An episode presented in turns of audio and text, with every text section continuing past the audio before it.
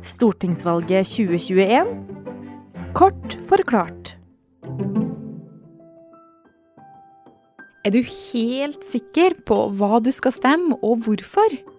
I denne serien gir vi deg noe av det viktigste du trenger å vite, sånn at du kanskje føler deg litt tryggere når du går inn i valglokalet. Vi tar for oss parti for parti, og nå er det altså det liberalistiske folkepartiet, Fremskrittspartiet. Kjære alle sammen. Valget vi står overfor er et verdivalg. Med partileder Sylvi Listhaug. Mellom en venstreradikal sosialistisk side og Fremskrittspartiet, som er garantisten for å stoppe deg. Som skal under lupa. Hallo, Norge på 70-tallet! Arbeiderpartiet har styrt Norge nesten uavbrutt i 30 år, og vi har blitt en velferdsstat. Alt fra helsetilbud, skole og infrastruktur, det er det staten som sørger for, mot at vi betaler masse skatt. Og velferdsstaten, den digger alle partiene på Stortinget. Helt til 1973. For da groover Anders Lange inn på den politiske scenen. Og partiet hans, valgforsker Bernt Årdal, du må hjelpe meg litt her. Anders Langes parti til sterk nedsettelse av skatter, avgifter og offentlige inngrep. Ja, eh, ganske heftig langt. Um, kanskje ikke så rart at de skifta navn til Fremskrittspartiet ganske kjapt. Og det som lå i navnet den gangen, det var at det ikke var innvandring og slike ting som man kanskje nå knytter partiet til, men det var rett og slett eh, mot et sterk stat. Altså det i det hele tatt eh, Også den, den, velferdsstaten som var blitt bygd opp etter krigen, og som de andre partiene langt på vei hadde gått inn for, det protesterte de mot. Og, og, og de ville da eh, mente at det var blitt mye altfor sterkt skattetrykk og altfor mye offentlige reguleringer. Så det var på en måte utgangspunktet. Etter hvert så ble de mer positive til velferdsstaten, altså, og de fikk også en annen kampsak. For på 80-tallet så begynte det å bli mange arbeidsinnvandrere her i landet. Og de hadde jo ikke betalt skatt i massevis av år. De hadde jo ikke bidratt til å bygge opp velferdsstaten på samme måte, så da skulle de heller ikke ha de samme ytelsene som andre hadde. Så, så det var litt av den sammenhengen som, dette, som, som preget Fremskrittspartiet den tida. Og det her med mindre skatt og streng innvandringspolitikk, det var det mange som støtta. Og i lange perioder har partiet vært landets tredje største parti. Og skal vi se for oss den typiske velgeren, da, så er det vel kanskje noe sånt som en godt voksen mann som fyrer opp noen deilige koteletter og har en svensk pils i hånda.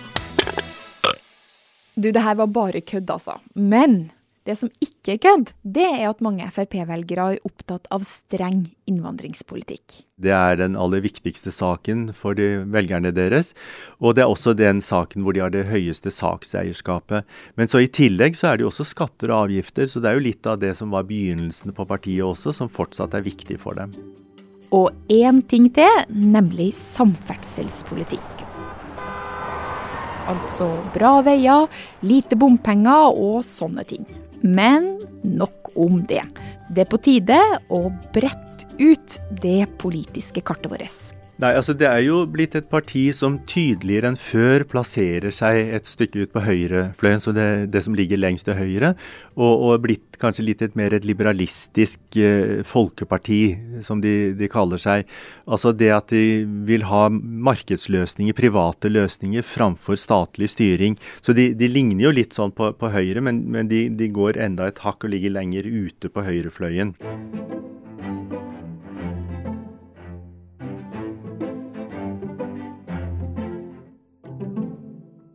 Så Frp det er et parti som er ganske lett å kjenne igjen for velgerne. Men nå når det er valg, så er kampen om oppmerksomhet enda tøffere. Og det her, det sitter jo du med hver dag, Sigrid Gausen. Ja, det gjør jeg. Du er journalist her i Aftenposten, og hvilke saker er det som er viktig for Fremskrittspartiet i år? Det viktigste for Frp har egentlig vært å gjøre seg mer synlig. Under koronakrisa så har de jo ikke fått så mye oppmerksomhet, spesielt fordi yndlingstemaet deres, innvandring, ikke har vært så aktuelt. Nei, det har vært litt andre ting enn det vi har vært eh, opptatt av i det siste. Ja, eh, så da har de heller snakka en del om bilbruk. De har gått hardt ut mot all politikk som forsøker å minske bilkjøring, og de omtaler seg sjøl som bilistenes parti. Og I forbindelse med dette her, så har de òg eh, vært en motstemme på klimapolitikk, hvor de har kritisert foreslåtte klimatiltak og beskriver noe av klimadebatten som klimahysteri. Når resten av disse politikerne her snakker, så høres det ut som at vi har en egen atmosfære i Norge. Det har vi altså ikke. Det høres ut som at eh, ved å gi symbolske klimatiltak i Norge, så skal vi redde hele verden. Sånn er det faktisk ikke. Og det som er med Frp, det er jo at de satt i regjering for ett og et halvt år siden, men så gikk de ut etter en del misnøye i partiet. Og håpet, det var jo at velgerne skulle strømme til da de kom i opposisjon igjen, men Sigrid, har det skjedd? Nei, altså Frp gikk jo ut av regjering for ett og et halvt år siden, og de har ikke fått noe velgerboost av det, for media har jo vært mest opptatt av korona. Men nå er jo det i ferd med å endre seg. Det er jo valgkamp, tross alt, og Sylvi Listhaug har blitt ny leder i partiet. Og hun er ikke redd for å komme med litt sånn kontroversielle utspill, og er opptatt av å vise at Frp ligger til høyre for Høyre. I, I, 2015 så kalte du Sverige et lys i Europa. Det eneste lyset vi har sett derifra, er bomber og granater som går av fordi det er så uholdbare tilstander der. Ikke sant. Og de ligger jo rundt 10% nå på meningsmålingene noe som ikke er akkurat det er veldig bra for å være Fremskrittspartiet, så vil de fortsette i regjering, da? Nei, altså De vil jo inn i regjering, men bare med Høyre. Fordi at det er litt sånn gjensidig misnøye mellom KrF og Venstre og Frp. De vil altså bare i regjering om de får lov til å være alene med Høyre. Ikke noe KrF og ikke noe Venstre? Nei. Eh, det, og det gjenspilles faktisk òg i Frp sine velgere, hvor det er bare 2% som ønsker dagens regjering med Høyre, KrF og Venstre. Og til Aftenposten så har òg flere Frp-kilder sagt at de forbereder seg egentlig på et regjeringsskifte til høsten, og at de derfor har festa blikket på stortingsvalget i 2025.